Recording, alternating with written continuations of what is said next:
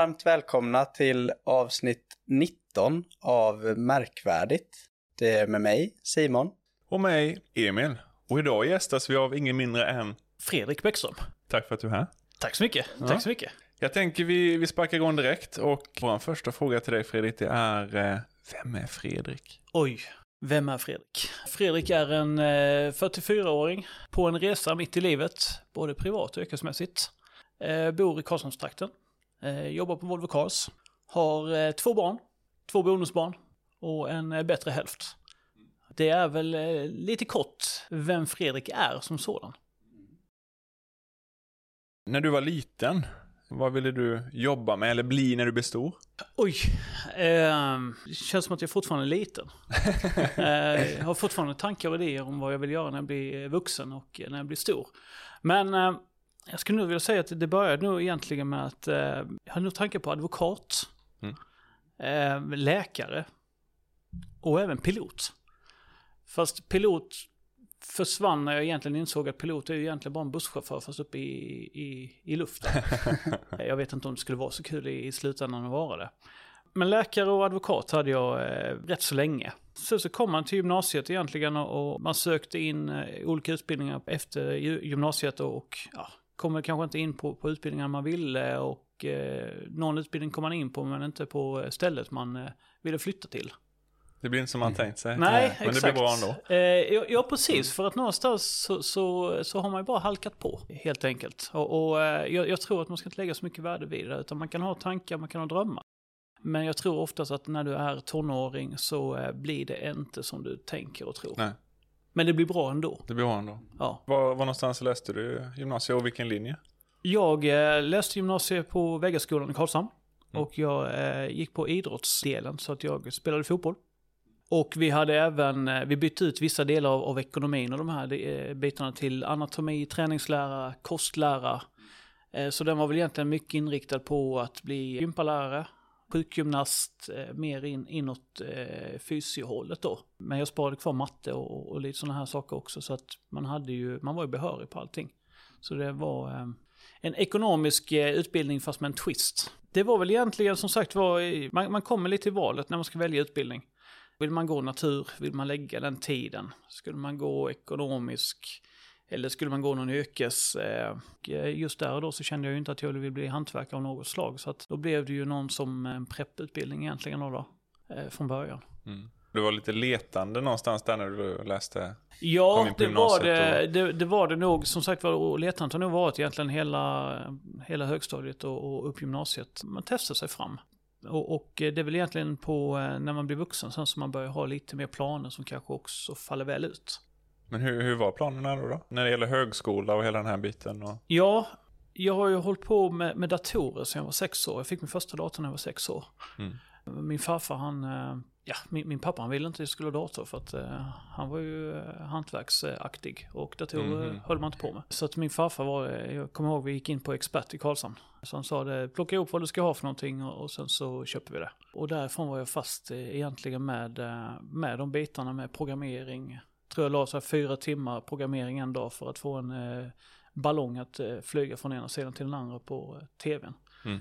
Och därifrån har väl egentligen det intresset eh, väckts. Och, och det var egentligen det också som gav hela den grunden och, och intresset man har haft. För att man kom ju rakt in i hela PC-svängen under uppväxten. Mm, mm. När man gick från 486 in till Pentium-världen och, och eh, allting bara exploderade med, med minne, eh, hårddiskar och processorer och, och allt detta. Och man var med från början. Så det, det gjorde väl egentligen att jag gled in eh, lite på, på ett eh, bananskal eh, inom, inom IT-världen. Som Mm. mitt, ett av de mer seriösa jobben som jag egentligen sökte och, och ville ha. Mm. För jag provade lite, lite olika saker innan, innan jag hamnade där då. Men så det var grunden egentligen och det var väl ett intresse som, som blev en möjlighet till att jobba Mm. med från början då. Högskolemässigt kom väl egentligen in sen, när jag hade jobbat några år inom, inom IT-världen så, så var det också så att jag var självlärd i allt. Och eh, alla hade ju hoppat på de här nätverksutbildning ett år till exempel eh, på Softcenter. Och, eh, och jag kände jag hade liksom missat hela den grejen att jag, jag hade all kompetens och kunskap. Men jag hade inte papper på det. Och, och eh, jag märkte det när man ville söka sig vidare, kanske söka sig utanför Karlshamn och, och eh, till lite större bolag och sådär. Så började de helt plötsligt titta på utbildning. Vad har du för utbildning? Jag kom in i arbetslivet genom att eh, jag fick göra praktiska tester istället. Mm. Och, och, det var ju tack vare det som jag, jag fick jobb. Men eh, så att jag gick ju en, en yrkeshögskola på IUC som systemvetare. Den var bara på två år för jag hade ett jobb som jag tog tjänstledigt ifrån. Så att jag skulle egentligen bara plugga någonting och få lite betyg få papper på vad jag kan, få ett betyg mm. på vad jag kan. Och den passade bra för den hade också lite praktik på båda två eh, åren som man gick då. Så det, det var jättebra för då kunde man göra, jag gjorde ett, ett säkerhetsarbete på Karlssons AB med, eh, med SUS-miljö då. Och sen så var jag på ESI-gruppen på den andra delen. Då fick man liksom fortfarande komma ut och känna på andra bolag, hur de jobbar, mm. hur är det där, samtidigt som man var tjänstledig från sitt egna. Jag kan nog tycka att eh, KY-utbildningarna kan eh, ändå ge ganska mycket. Mm. Jag tycker nog inte att man ska se ner på folk som, som går KI-utbildningar. Absolut inte. Eh, då då du, du har kanske inte lika lång tid i utbildningssyfte kanske. Men, men det är mycket också baserat på personlighet, vem man är. Ja, ja mm. visst är det så. Eh, och, och där tycker jag att eh, många gånger så kan de ge ett bra värde. Absolut. Ja men absolut, och även utan eh, alltså, högskoleutbildning eller motsvarande. Jag tycker det, vi tycker oss ändå se att det är på väg att ske en förändring där. Men man stirrar sig väldigt mycket blind på högskole, högskoleutbildning och till och med så här, jaha, vi söker efter en civilingenjör. Ja men vad då räcker det inte med en ingenjör? Alltså, en,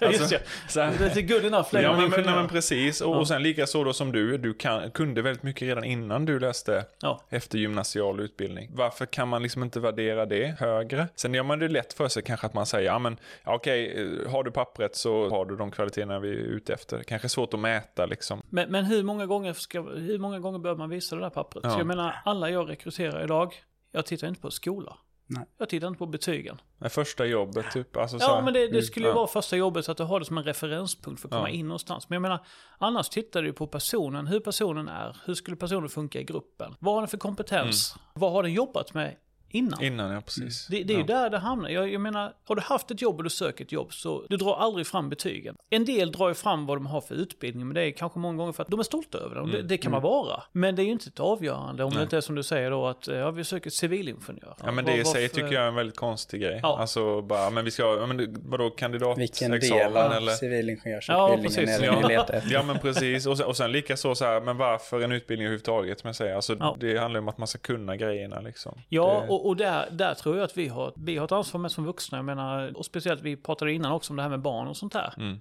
Idag tror jag att vi har lättare att se, se vad som krävs kanske ut till ett arbetsliv på ett annat sätt än vad våra föräldrar hade. Mm. För då var det mycket det här, du måste göra det här i skolan, du måste prestera det här och du måste läsa på universitetet i fyra år. Mm. Men idag så kanske man har en annan erfarenhet och, och, en annan kontakt till det livet. Så att man kan liksom stilla den här hetsen lite grann mm. för, för eh, de som går i skola idag. Och det spelar ingen roll om det är högstadiet eller gymnasiet eller på, på högskola och universitet att det kommer att gå bra.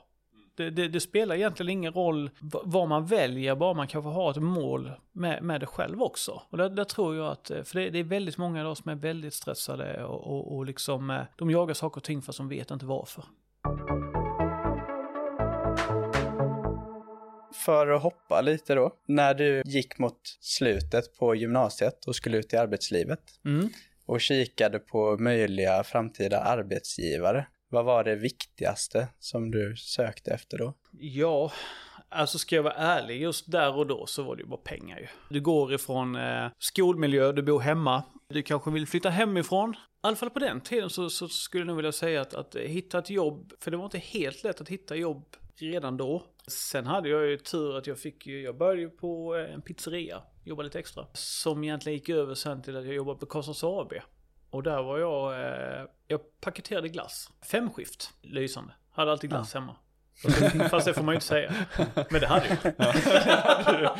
jag säger inte vilken glass jag hade, men jag hade glass hemma. Nej, men och det, det var ett Jag gillade det jobbet. Det var bra betalt, det var skönt. Eh, satt nere i källaren jämte den stora frysen där man var inne med eh, trucken och körde rally. Och, eh, ja, men vi körde där inne och det var ju blixtehårt med ju. Man körde ju full... Driftade. Ja, exakt, man körde rakt fram och sen bara rattade man järnet och sen bara snurrade man där inne med, med trucken. Och hade man otur så, så träffade ju gafflarna eh, fem pallar hög eh, med, med glass och välte allt. Då fick man ta på Ja, det är ju preskriberat det här nu. Ja, det, det, eh, ja, exakt.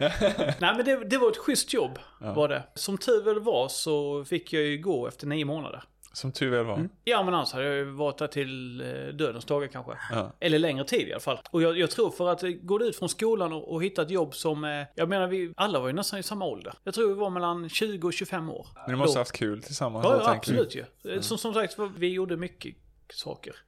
Det gjorde vi. gjorde mycket saker. Eh, och, och sen fick jag gå därifrån. Eh, vi var ju, det var jättemånga då som, som eh, fick eh, lämna 98 från Karlshamns, eh, mejeriet då. Sen sålde jag annonser för Sydöstra. Mm. Och det var också lite bara så här att jag visste inte vad jag skulle göra för någonting. Men jag tror att det är, är nog en viktig sak eh, att man har med sig att aldrig, om tillfälligheter ges, prova, chansa. Mm. Det kan ge någonting. Som sagt, jag, eh, jag ritade annonser på Sydöstra. Och därifrån sen så gick jag över till eh, IT-världen då. Och jag tror att där någonstans så var det nog fortfarande... Pengarna var ju svårt eftersom jag gick från femskift ner till vanlig eh, dagtid. Så att eh, den, den var ju körd liksom därefter. Man fick smaka lite på den, eh, på den frukten och sen så kunde man liksom bara låta den vara då. Och där tror jag att, att min inriktning blev att ha kul på jobbet. Och det, det har jag nog fått med mig hemifrån från min pappa då. Han sa alltid det att det han höll på med var eh, kast yrke. Han var, höll på med isolering, plåtslageri. Det är förbannat.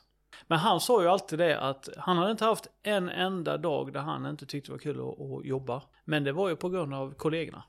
Mm. De han jobbar ihop med. Mm. Om det var på det bolaget eller liksom andra bolag ute på byggen. Men den har jag nog tagit med mig. Att eh, jobbet är en sak. Men, men eh, liksom sen är det allting annat runt omkring. Och idag tror jag att eh, det är jätteviktigt. Jag säger alltid det när vi har intervjuer till exempel. Eller man ska rekrytera folk. Eh, eller personal man har. Att vi ska alltid ha kul på jobbet. Mm. Varje dag.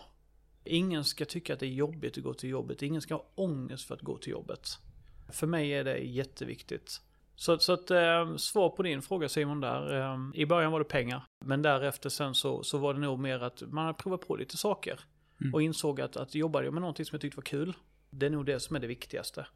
Det har väl också förändrats lite i, i vad man tar för beslut när man blir äldre. Men, men där och då var det att faktiskt jobba med någonting som man tyckte var kul och inte bara ta ett jobb för att. Eh, och att man måste testa för att eh, bilda sig en uppfattning. Någonstans måste du hitta någonting som du tycker är kul för att du ska kanske jobba med det ganska länge. Du lägger rätt många timmar på det. Mm. Och då behöver du göra det av rätt anledning.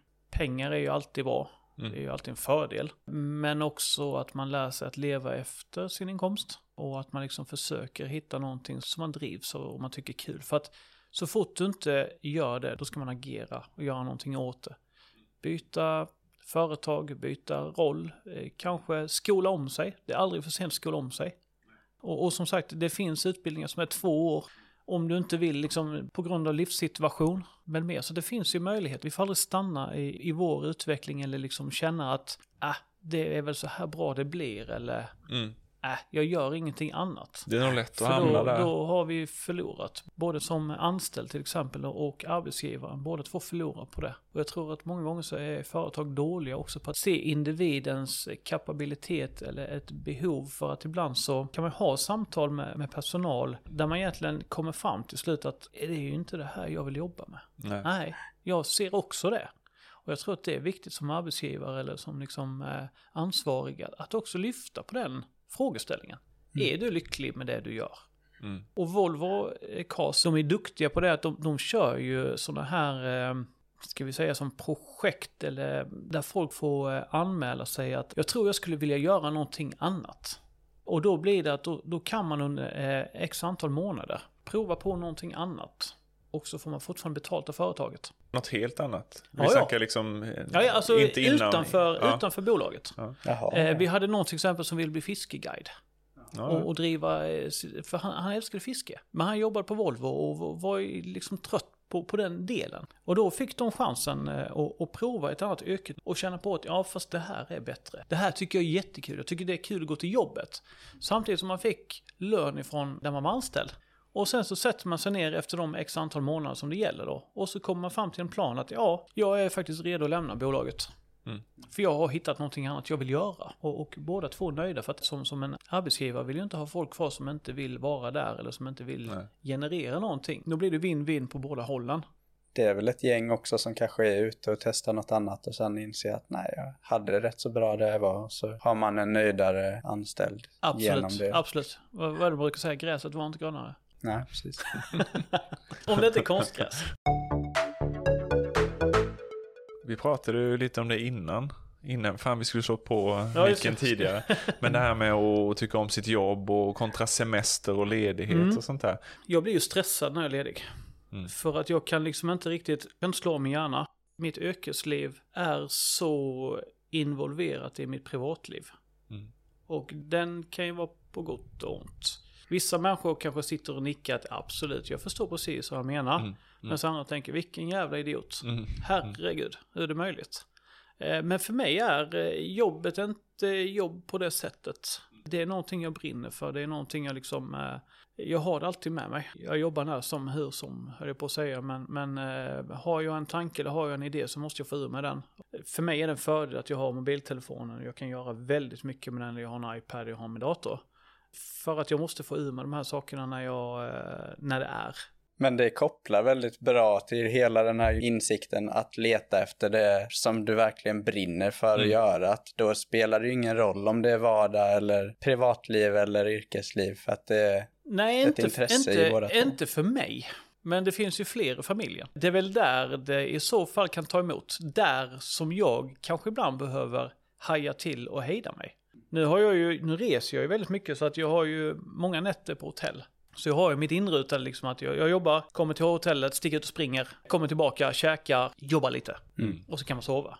Alla gånger funkar ju inte det hemma. För att det finns ju andra då som förväntar sig kanske att man inte ska jobba hela tiden. Eller Mm. att eh, kollar han på Facebook eller vad gör han för någonting? Och jag menar, folk kan sitta fyra timmar eller tre timmar och, och på, på Facebook och scrolla liksom och, Mm. och allt vad det är. Jag, jag kan lika gärna sitta tre timmar med, med, med Excel och med budgeten. Eller sitta med en, en eh, roadmap och pilla med den. För mig är det samma sak. Mm. Och det låter ju väldigt tråkigt kanske. För att det känns ju ungefär som att fan man har inget liv. Men jag, jag ser det mer som att jag har ett liv.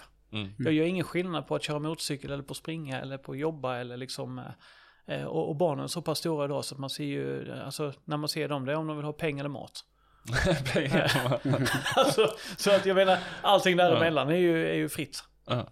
Nej, så jag tycker om det och det funkar för mig och jag tror att där Mm. är också lite det här att man ska hitta det som funkar för sig Mm. själv. Inte vad man tror att andra vill eller andra tycker. Jag ställer aldrig några krav på, på, på min personal eller min omgivning att de alltid ska vara standby. Men jag kommer också till att säga som så här att det kan komma mail ifrån mig när som helst. Mm. Men jag förväntar mig inte att du svarar på vändande post. Men eh, jag behöver få ur med det och, och eh, då får väl de stänga av då. då. Mm. Sen har jag ju medarbetare och har haft medarbetare som är precis likadana.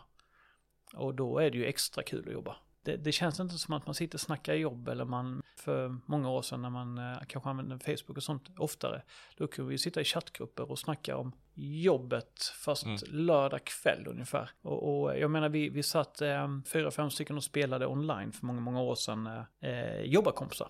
Så att man snackade jobb. Mm. Och så spelade man Halo samtidigt. Mm. Återigen, det låter ju eh, konstigt kanske, men det, det är fan mig få förunnat Mm. att kunna ha det så. Mm. Och då blir det roligare att jobba. Eller vad man nu kallar det för.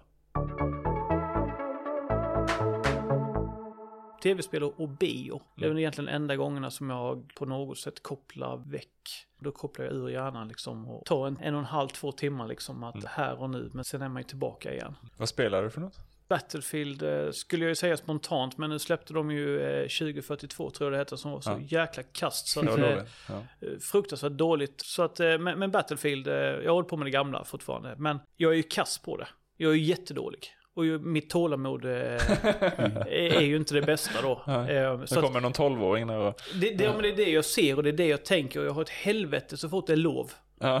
För då sitter ju alla de här jävla 12-åringarna hemma ju. Och får sitta uppe länge liksom. Nej, och jag har ju en son som, som spelat i hela sitt liv och som liksom eh, redan när han, var, får man kanske inte heller säga, när han var 10 år eller någonting. Och han sa att vi kör en match ihop du och jag. Mm. Och, och då var det lite så att, ja men, ja men det kan vi göra. Vi spelar ihop väl? Nej, nej, vi spelar mot varandra. och då är han tio år och så, så säger jag som vanligt bara, ja men det är ingen idé för att jag dör ju direkt, jag dör ju hela tiden. Och så säger han, ja men du kan välja vilket vapen du vill så kör jag kniven då. och, och, och du vet, det är där jag är. Jag, jag, jag använder ju bara det här för att liksom, eh, tr- alltså sluta tänka. Ja. Men sen kan jag inte sitta mer än, eh, jag menar fan spela en bana, det tar 30 minuter kanske. Så att Nej. eh, på sin höjd två stycken, sen är jag ju uttråkad med det. Jag, Ja. jag kan inte, Nej. då måste jag liksom lämna det igen. Mm. Men det är en skön sån eh, off-knapp. Mm. Och som sagt var alla 12-åringar där ute. In your face. Precis.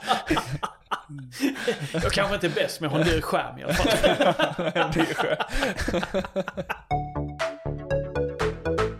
Om du skulle berätta om jobbresan, nu har vi ju Mm. snuddat vid flera olika Ja, delar där. eh, ja men vi kan väl säga som så här att, att jag, jag fastnade ju sen ganska snabbt in i konsultträsket. Egentligen lite att eh, man hade ett ansvarsområde eller två eller tre eh, till att man hade ansvar över vissa kunder. Och det är egentligen därifrån, skulle jag säga, där la jag min grund inom hur jag är idag. Och den kommer från konsultsidan. Det vill säga att du, du hade kanske tio stycken kunder där du ägde helhetsansvaret. Som konsult så är du ju ganska så, eh, du är bred, du har ingen djup kompetens på ett område utan du har ganska så eh, halvbra kompetens på, på flertalet områden istället. Eftersom du behöver kunna sätta upp en exchange-server, du behöver kunna fixa med nätverket, du behöver kunna workstation-delen, du måste kunna liksom installera eller liksom ta bort virus eller vad det nu än skulle vara. Så där bygger du ju en bredd och du bygger ju även eh, kundansvaret i, i sig. Det här lite med att, att kunden är fokus och gör det bästa för dem. Mm. Så där började jag egentligen med resa med, med mindre lokala företag och gick sen vidare till VM-data som eh, sedermera blev eh, Logica där de då sa att ni ska inte bli uppköpta mer gånger. Så blev vi eh, CGI då.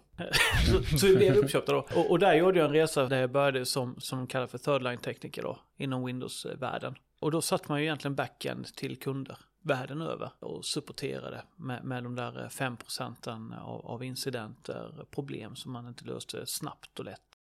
Där var jag i tio år och eh, sprang runt i olika roller, satt upp olika eh, delar av verksamhet, bland annat i Indien. Var involverad i, fyra års eh, tid, gott och väl. Där vi satt upp kontor både i Chennai och Bangalore och anställde folk och hela den, hela den resan med, med att man eh, fick till sig att, att eh, jag var med och satte upp en verksamhet i Sverige som vi sen också då skulle sätta upp eh, offshore. Så ner och anställa, rekrytera folk, gå på pumpen fullständigt. Skulle ha tio personer till exempel. Då anställde vi 25. Jaha, okej, ja, okej. Eh, 25 personer, men jag behöver bara 10. Ja, ja, men det kommer inte rätta till sig. Ja, okej. Första dagen när, när folk skulle vara där och, och, och jobba så eh, dyker det upp eh, 14 pass. Och Ja, ja. andra dagen så var vi på 9 pass. Och man bara, vad, vad är det som händer? Nej men det är så här det funkar i Indien. Man hittar anställningar och sen så eh, kanske man gått på andra anställningar och tackat ja också till jobb. Och så väljer man ett av dem sen bara och dyker upp. Och, och så kunde det vara så då att man hade fått ett, en, en anställning på CGI då till exempel. Då, då gick Ja. man ju till IBM på en anställningsintervju och så sa man att eh, ja, jag jobbar på CGI. Jaha, du jobbar på CGI? Aha. Oh, vad intressant. Ja, men då är han säkert aktuell ju. Kan ju de här sakerna då ju. Så Ja, säger ja. de att ja, du får jobbet här. Ja, tack. Eh, Så får de lite mer betalt än vad, vad vi gav till exempel. Mm, mm. Och då dyker de inte upp. Eh, Så det var mycket sådana saker med hela kulturen, kastsystemet. Man fattade liksom inte riktigt med varför frågar du inte dina kollegor om hjälp? Mm. Var du av högre kast så frågade du inte om hjälp av någon som var lägre och definitivt inte en Aha. kristen. Och, alltså, Hela det här spelet som en annan inte är van vid. Nej, så det var mycket sådana här eh, kulturella krockar. Eh, mycket ledaren styr ju allting. Det spelar ingen Mm. roll om ledaren inte vet vad de snackar om. Det, Mm. det är ju det som är, hålla utbildningar till exempel. Eh, Alla, alla säger ju ja hela tiden. Har ni förstått detta nu? Jag sitter ju 10, 15, Mm. 20 stycken bara yes. Och, man, och då Yes. som svensk så är man liksom bara Perfekt. Jajamensan.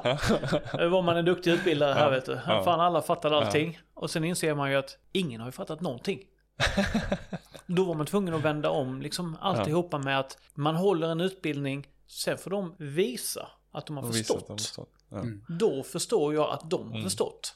Så den, den resan var ju jätte... Just där och då så, så eh, jag skojade mycket då och sa att jag fick ett uppdrag och så fick jag en palm Alvedon. Eh, för det var, det var faktiskt så det kändes liksom. Man hade konstant huvudvärk hela tiden. Ja. Men det var också kul. Och idag sitter jag fortfarande med Tech Hub i Indien Ja. liksom, i Bangalore. Saker och ting har blivit bättre. Men det är en, en styrka jag har med mig i Mm. ryggsäcken. Jag skulle säga att du måste ha eh, lärt dig väldigt mycket. Väldigt mycket. Och, och jag kom i kontakt med en som heter Unni Krishnan. Som är som, eh, han är som min bror. Vi har känt varandra nu i eh, 15 år snart. Så att liksom fått eh, vänner för livet också. Fick mitt ben avsparkat i Indien. Operation och grejer. Eh, bara en sån grej liksom. Vad, vad hände? Eh, Vi skulle ha eh, företagsfotboll där nere och det var, eh, jag hade varit nere två månader och skulle åka hem veckan efter. Då skulle de ha någon sån här företagsturnering och då frågade ju han Unni mig då att eh, det är klart du ska vara med också. Och eh, som sagt var gamla fotbollsspelare, jajamensan, det är klart jag ska vara med där. Så var det en situation, eh, jag skulle rensa bort en boll som kom, skjuta iväg den så, så hårt jag bara åkade, så som man gör i fotboll. Liksom. Mm, mm. Man pangar på. Mm. Samtidigt kom det en kille och, och eh, hoppade mot mig med, med dubbarna före. Så Aj. att jag sparkade, sparkade min vrist in i hans eh, dubbar så att skenbenet och smalbenet gick rakt av. Det bara smällde till och sen så hängde allting. Nej. Så att jag blev ju liggandes där nere med operation och, och annat eh, i rätt lång tid. Ja. Innan jag fick åka hem då. Ja. Nej, så det var ju också en resa i resan. Mm. I en av gångerna då. Så att jag, jag har varit en del där fram och tillbaka då. Och det har jag med mig.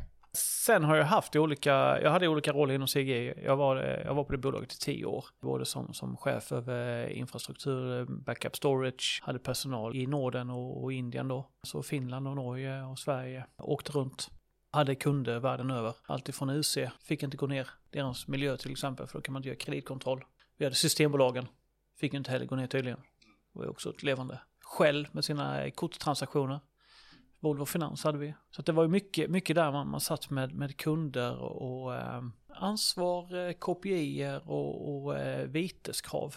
Höga böter om inte saker och ting funkade enligt avtal. Eh, och det var ju där någonstans jag bestämde mig att, att gå ifrån, eh, då hade jag varit både tekniker, eh, lösningsarkitekt och, och lite sådana. Och där tog jag egentligen beslutet att gå över till att bli ledare att vara ansvarig för leveranser istället i mer uttalat syfte då. För att jag var en ganska så eh, medioker tekniker. Eh, jag hade en bredd, men jag hade inget liksom något djupt eh, i sig och jag hade inte ett brinnande intresse längre för teknik på det sättet. Det började bli mer och mer att fan, saker ska bara funka. Jag hade fördel att jag kunde se förändringar, förbättringar, mål framåt. Hur skulle det kunna se ut imorgon? Visionen av att. Och, och drivet att bygga upp det. Men jag var inte så jäkla glad för, för förvaltning och, och liksom nu ska vi hålla det här igång och de bitarna. Så att då, då, då tänkte jag att nu släpper jag den här teknikdelen i sig och, och går vidare då. Så att eh, är man chef idag, om man säger man har varit tekniker, då har man kanske varit kanske inte så bra tekniker. Man släppte det spåret. Eh, och har man varit tekniker hela tiden så kanske man är ganska så duktig tekniker. Mm. Och sen så därifrån så eh, bytte jag sida lite kan man säga. För att då började jag faktiskt jobba på Volvo Cars. Mm. Och där har jag varit nu i fem år med fyra olika roller. Dels så, så bytte jag till Volvo Cars för att eh, lite närmre hem, lite mindre resande. För jag reste väldigt mycket då eftersom jag hade personal eh, lite överallt då. Också så var det fantastiskt att lämna konsultsidan med att ha alla de här kraven eh, 24-7 hela tiden till alla olika kunder. Eh, jobbade hela tiden dag och natt liksom. Men också att komma till ett bolag där du faktiskt kunde se vad vi säljer. När du jobbar som konsult så eh, du säljer timmar. Du säljer någon slags mjuka värden. Men här nu så kunde jag ju öppna jag dörren hemma så liksom, ja, det var en Volvo som körde förbi. Idag åker jag till ett jobb, jag går ner på ställe och ser hur den framskärmen blir tillverkad. Jag kan följa den framskärmen hela vägen till en bilhandlare. Det, det tycker jag var eh, fantastiskt roligt. Att kunna vara en del av, av den sidan med den biten. Men ändå också att ta med mig hela min erfarenhet in till, till detta stora bolaget också. Där jag nu sitter på andra sidan och pratar med leverantör. För att jag såsar ju grejer idag. Men jag vet deras utmaningar, jag vet hur saker och ting funkar i bakgrunden på gott och ont. När de säger att eh, det här kan vi inte lösa eller vi kan bara göra på det här sättet. Då kan man slå dem lite på fingrarna och säga eh, app, app, app, app, app, app, app, app. Men man kan också göra på andra sättet. Att jag köper det ni säger, jag förstår. För jag har varit i samma situation. Så där är väl resan eh, i stort, kan man säga. Så här långt. Just nu är jag product manager. Ska vi kalla det egentligen för eh, produktchef? Jag äger eh, hela den digitala lösningen när det kommer till eh, logistik, materialplanering, materialhantering eh, på Volvo Cars alla fabriker. Eh, och även eh, lösningar till några avknoppare som Polestar till exempel. Och, vi har även till Orbay och de bitarna då. Och då handlar det om, om allting som, som är material som är inne i fabriken som ska, ska någonstans eller kommer eller går någonstans då. Det kallas för ERP-system.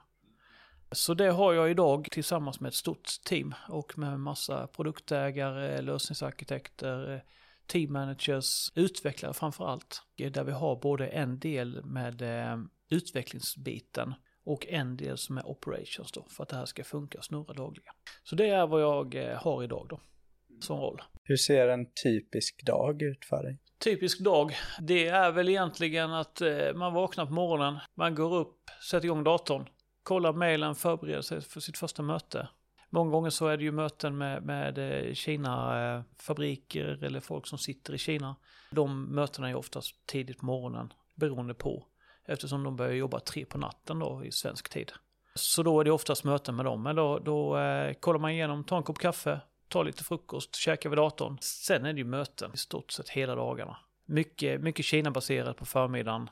Europa är ju mitt emellan och på eftermiddag kväll så är det ju eh, USA till exempel. Då. De börjar jobba vid, vid tre snåret där på eftermiddagen. Så att det, det är ganska utspritt, det, det är eh, över hela dagen. Det är svårt att säga 7 till 4 eller 8 till 5. Mm. För det kan lika gärna vara 6 på morgonen till 7 på kvällen. Men, men som sagt, det är ju, jag reser mycket och, och äh, sitter hemma en hel del eftersom äh, 9 möten av 10 är ju äh, Teamsmöten med, mm. med folk från olika äh, placeringar då mm. i världen. Så det, det låter ju jättesexigt. Mm. Vilka är de största utmaningarna med ditt jobb? En av de största utmaningarna är väl egentligen att eh, prata med bönder på bönders vis. Jag tillhör en, eh, vi heter Digital Core, mm. som är IT då. Vi ska ju prata med verksamheten. Min roll är ju egentligen att vara lite eh, mittemellan. Jag ska kunna prata med fabrikerna till exempel på, på ett sätt att de förstår vad det är som behöver göra, göras eller vad påverkan kommer att bli om ni tar det här beslutet. Lika mycket som att jag sen måste gå till våra centrala organisationer som är ren IT-bolag till exempel och förklara för dem vad som händer i verksamheten om de gör på det här sättet eller verksamheten vill ha detta och det behöver jag då klä i IT-ord lika mycket som jag behöver klä det i, i verksamhetsord på andra hållet. Den är ju en utmaning och en annan stor utmaning är också att varje fabrik är ju egentligen sin egen identitet. Mitt jobb är ju egentligen att eh, försöka få ihop alla dessa att tänka och agera och jobba som det vore en fabrik. Sen har vi lagar och sånt som måste följas. Vi har fabriker som gör olika saker. Vissa bygger bil, vissa pressar plåt, Vissa ska bygga motorer. Men för att vi ska bli liksom kostnadseffektiva, vi ska kunna bli effektiva i mm. saker och ting, då måste vi strömlinjeforma saker och ting. Vi måste kanske få ner vårt landskap av applikationer eller lösningar. Och där är ju en utmaning. Jag menar, tänk bara om ni bor i ett bostadsområde. Ni ska få allihopa till att använda en eh, likadan diskmaskin allihopa. Eller eh, alla ska tvätta samma tid. Och alla ska tvätta vit tvätt på den tiden till exempel. Det är ju mm. en eh, det är en utmaning. De ska jobba likadant ja. med, med samma setup, med samma processer. Alla ska ju förhoppningsvis ha samma system, samma verksamhetsprocesser. Mm. Och där är vi inte på allting. Vissa Nej. saker måste vara unika. Men jag utmanar ju då, varför måste de vara unika? Varför är vi unika? Titta mycket på benchmark. Jag försöker bygga mycket blueprint med, med nytt hela tiden. Att eh, det här sätter vi upp nu, men det här sätter vi upp med intentionerna av att det ska kunna funka på flera sajter. Jag eh, tillåter inte budget för någonting som vi bara idag bygger unikt för en sajt. Nej. Det tar lång tid att vända skutan. Mm. Jag menar, vi har applikationer som är 40 år gamla. Vi har pressverktyg som är från 50-talet. Så håll igång det med, med IT-utrustning och tänk på cybersecurity. Ja. kan ju hålla en vaken om eh, nätterna ja, faktiskt. Ja, nej, det är lite... Vi bygger bara om eh, verktygen. Pressen ska bara gå upp och ner. Mm. Vad skulle du värdesätta högst när mm. du vill anställa någon? Det jag letar efter är väl en person som är lättsam, som eh, alltid ser möjligheter, som eh, tror på sig själv och tror på, eh, på laget. Jag brukar säga det att eh, det är okej okay att säga nej till saker och ting med kommer förslag då. Inte, inte bara, inte bara nej. Jag tror den typen av människa som, som är öppen och vill försöka och som är liksom hungrig på, på framtiden. För mig är det extremt viktigt. Och att vi har kul. Det är extremt viktigt. Om det sitter någon där ute nu som funderar på, fasen jag, jag vill ha Fredriks jobb i framtiden. Vilka är dina bästa tips för att man ska nå dit? Aldrig säga nej, tro på sig själv och eh, ta tillfälle i akt. För du vet aldrig vad som händer. Ja. Jäklar, var du snabb. Ja, det är bara att tatuera in det. Så. jag, jag har det i svanken.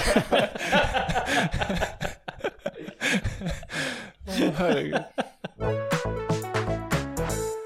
Vi har ju träffats några gånger innan. Mm. Vi har ju varit iväg och, och rest eh, tillsammans. Jag kommer ju ihåg, du berättade ju att, eh, att du var en syntare. Ja, visst. En gång i tiden. Så jag tänkte, Nej, jag är fortfarande, jag är fortfarande, fortfarande syntare. Ja.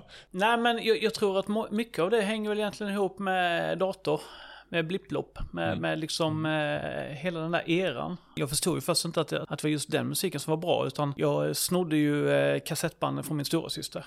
Ja. Hon satt ju med eh, tracks och spelade in på kassettbandspelaren så att man fick ju en tredjedel av en låt och sen så fick man ju Klabbe då som snackade och så kom någon annan låt. Man, man visste liksom inte vad det var för några låtar egentligen. Inte jag i alla fall för att jag var så pass mycket yngre än henne då. Ja. Men, men ehm, jag förstod ju några år senare att, att mycket av de låtarna jag lyssnade på som jag tyckte var bra i, mm. i de här kassettuppsättningarna det var ju eh, synt och elektronisk musik då. Mm. Mm. Så det, det har jag ju inte släppt. Jag tycker om mycket musik. Men eh, synt och elektro eh, finns alltid där. Mm. Eh, än idag till eh, både mina barns eh, förtret och min, sambos förtret absolut, för hon är mer hårdrockare då. Så att hon, hon har ju sagt att jag har ju världens sämsta film och musiksmak någonsin då. Men det är som sagt var det, jag tror det kommer ifrån dataspelets värld från början. Mm. Mm. Jag menar än idag om jag hör sådana Commodore 64-spels ja, musik så mm det är riktigt bra. Mm. Det är, jag älskar det. Ja. En, en slogan som, som man kan tänka sig är det att eh, man kan ha kul utan gitarr. Man behöver inte vara så eh, musikalisk heller. Nej. För att skapa den typen av musik.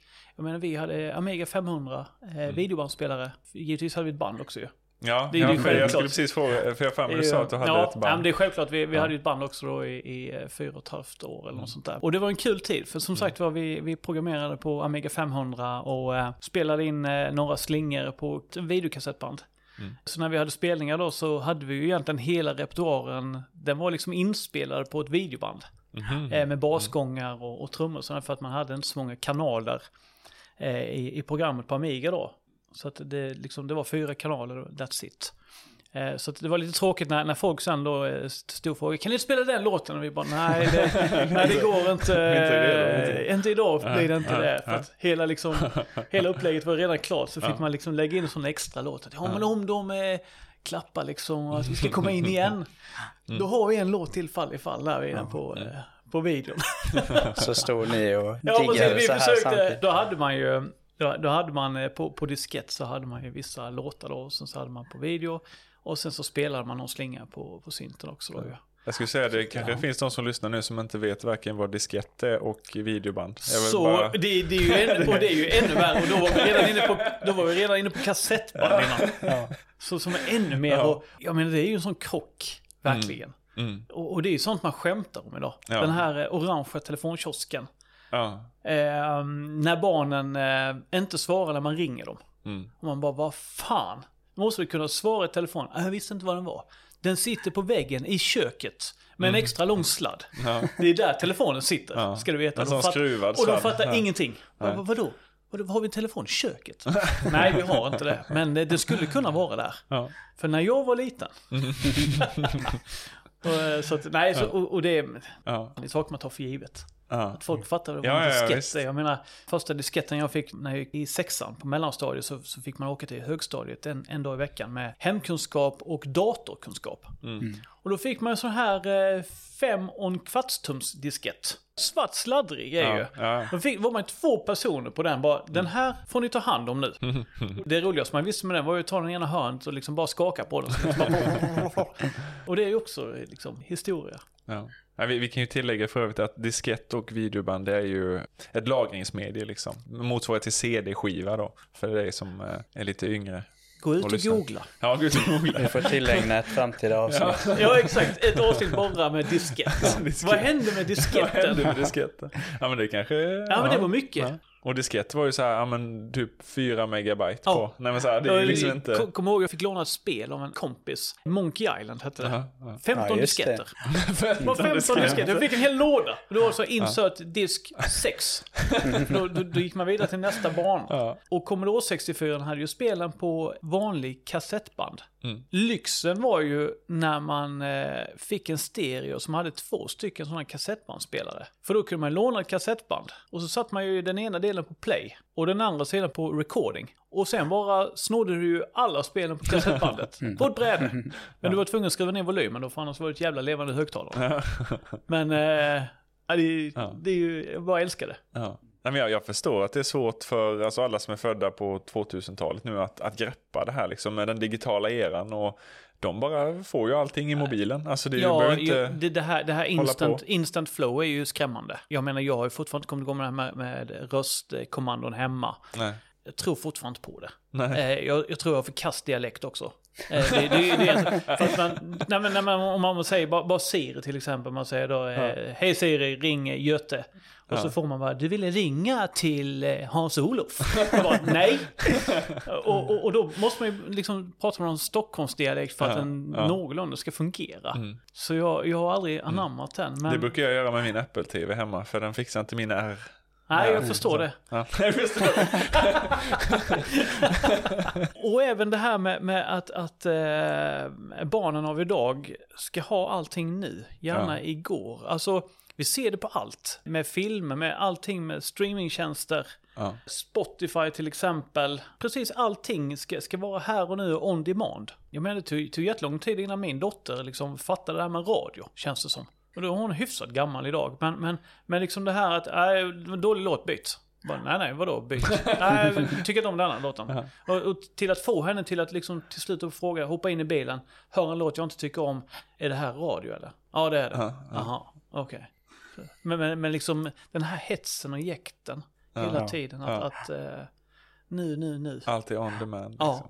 Men det har man nästan börjat, eller jag i alla fall nästan börjat hamna i själv. Att Ja, man när anpassar jag, sig, Ja, när jag sitter och kollar på tv hemma så kan det bli en sån impuls att bara, nej men nu spolar jag fram lite. Eller, Mm. Nu Men nu är du ganska ung Simon. Ja, ja, ja. tillhör den Nej, men vi- Nej generationen. men, så, vi- nej, men så, ja. så är det ju. Och jag är precis likadan nu med... Eh, jag älskar ju det här i så fall att man kan titta på saker i efterhand. För att då kan man spola de här förbannade reklampauserna. Jag vill inte se någonting live mer eller mindre för att då, då jag menar, kan jag kapa 15 minuter på ett tv-avsnitt så gör jag det tveklöst. Ja, men vissa kanaler men har ju nästan lika mycket Ja, det reklam är, som ja, ja. själva Det är helt galet. serien. Liksom. Helt galet är det. De synkade lite också, alla All- kanalerna. allihopa, för man bara, nej men nu byter jag lite och så, Ja. oj, reklam där med. Den, den får jag alltid hemma. Så fort det är reklampaus så börjar jag ju fibbla. Ja. Om, vi, om vi har tvn igång och det kommer reklam, jag börjar jag liksom scrolla lite. Men det kanske finns någonting så får man alltid den. Har du fortfarande inte lärt dig? Mm. Alla har reklam samtidigt. Och så blir man uppretad. Ja, vad fan är det reklam här med? Det är ju reklam här med. Vad är det frågan om? jag kommer fortfarande på hemmet sitta bara. Ja, nu är det reklam igen. Nu är det reklam igen. Nu undrar folk, men vad fan är det som händer? Här kommer alla bara sluta lyssna. Det är liksom... Nej, byter kanal. Ja, de får säkert byta. Ja. vad kul. Så jag har ju fastnat vid det här nu, att du är syntare. Så det blir mycket nöje här nu. Ja. ja, men vi hade extremt mycket eh, bra svenska band. Eh, Elegant Machinery var ett av dem. Eh, Robert Enforsen eh, bland annat som var från Karlskrona. Page. Page, det är bra med. Glad syntpop från Malmö. med Eddie Bengtsson. Eh, Children Within hette ett, eh, ett band också som, som spelade mycket. Vi, den scenen i Sverige var ganska liten så vi, vi hade ju förmånen att vara förband till en del av de här. Eh, och, och mycket om man var på syntfester eller man var på spelningar och sånt där så var det liksom, för det var ju mindre och lite mer eh, gemytlig. Ja, eh, ja. mejeriet så, så var det sådana här liksom Christmas eh, eh, concerts och sådär. Nej, så att det, det finns eh, extremt mycket bra band och det, det tråkiga är att, eh, som jag säger, den lilla scenen så det finns ju inte så jättemycket på Spotify eller man kan hitta någon gammal eh, spellista på YouTube. Någon har tankat upp gamla låtar från så mycket sådana här samlingsskivor Mm, mm, och annars får man ju ner och rota i förrådet. Eh, Men det börjar Det bli ont pass. om eh, CD-spelare i bilarna idag med ju. Ja, ja Så att så. eh, man behöver ju ha en CD-spelare hemma så att man kan lyssna på eh, gamla musiken man, eh, man hade igång innan. Tänker tillbaka. får du digitalisera Ja, jag skulle gamla- säga det du. Ja, jag, Kassetterna. jag gjorde det ett tag, men jag orkade inte. Nej, det är mycket jobb är det. Ja, Någon annan får göra det. Någon, exakt. någon Någon, annan, någon annan kan göra det. Kommer med en trave Denna, eh, nu fokuserar vi på annat här ska du se. Ställer om fabriken. Hemligt projekt. Ja, just det. Vi kommer till att marknadsföra det här senare. Och då är det bättre att be om ursäkt än att fråga om lov. Ja, men med det sagt så börjar vi väl runda av podden. Har du Fredrik någonting som du skulle vilja skicka med till våra lyssnare? Det är det jag har sagt hela tiden som är ledordet mantra. Ha kul. Mm. Vi lever rätt liv. Ja, det är bra. Gör det bästa av det. Mm, visa ord. Om man skulle vilja komma i kontakt med dig, vad Mm. gör man det på bästa sätt? Ja, Simon, du kan adda mig på Snapchat. Nej, skojar bara. Jag har inte det. Nej, men eh, LinkedIn eh, funkar bra. Mm. Eh, där försöker jag hålla allt eh, arbetsrelaterat. Eh, så där går alldeles utmärkt. Kikar man upp Fredrik Bäckström. Exakt, exakt. Yes, och innan vi trycker av inspelningen för idag så vill jag nämna att som vanligt att ni kan nå oss på våra sociala kanaler, at märkvärditpodd. Eller om du vill mejla oss så märkvärditpodd at gmail.com. Tack för att du har lyssnat. Hej då. Hej då.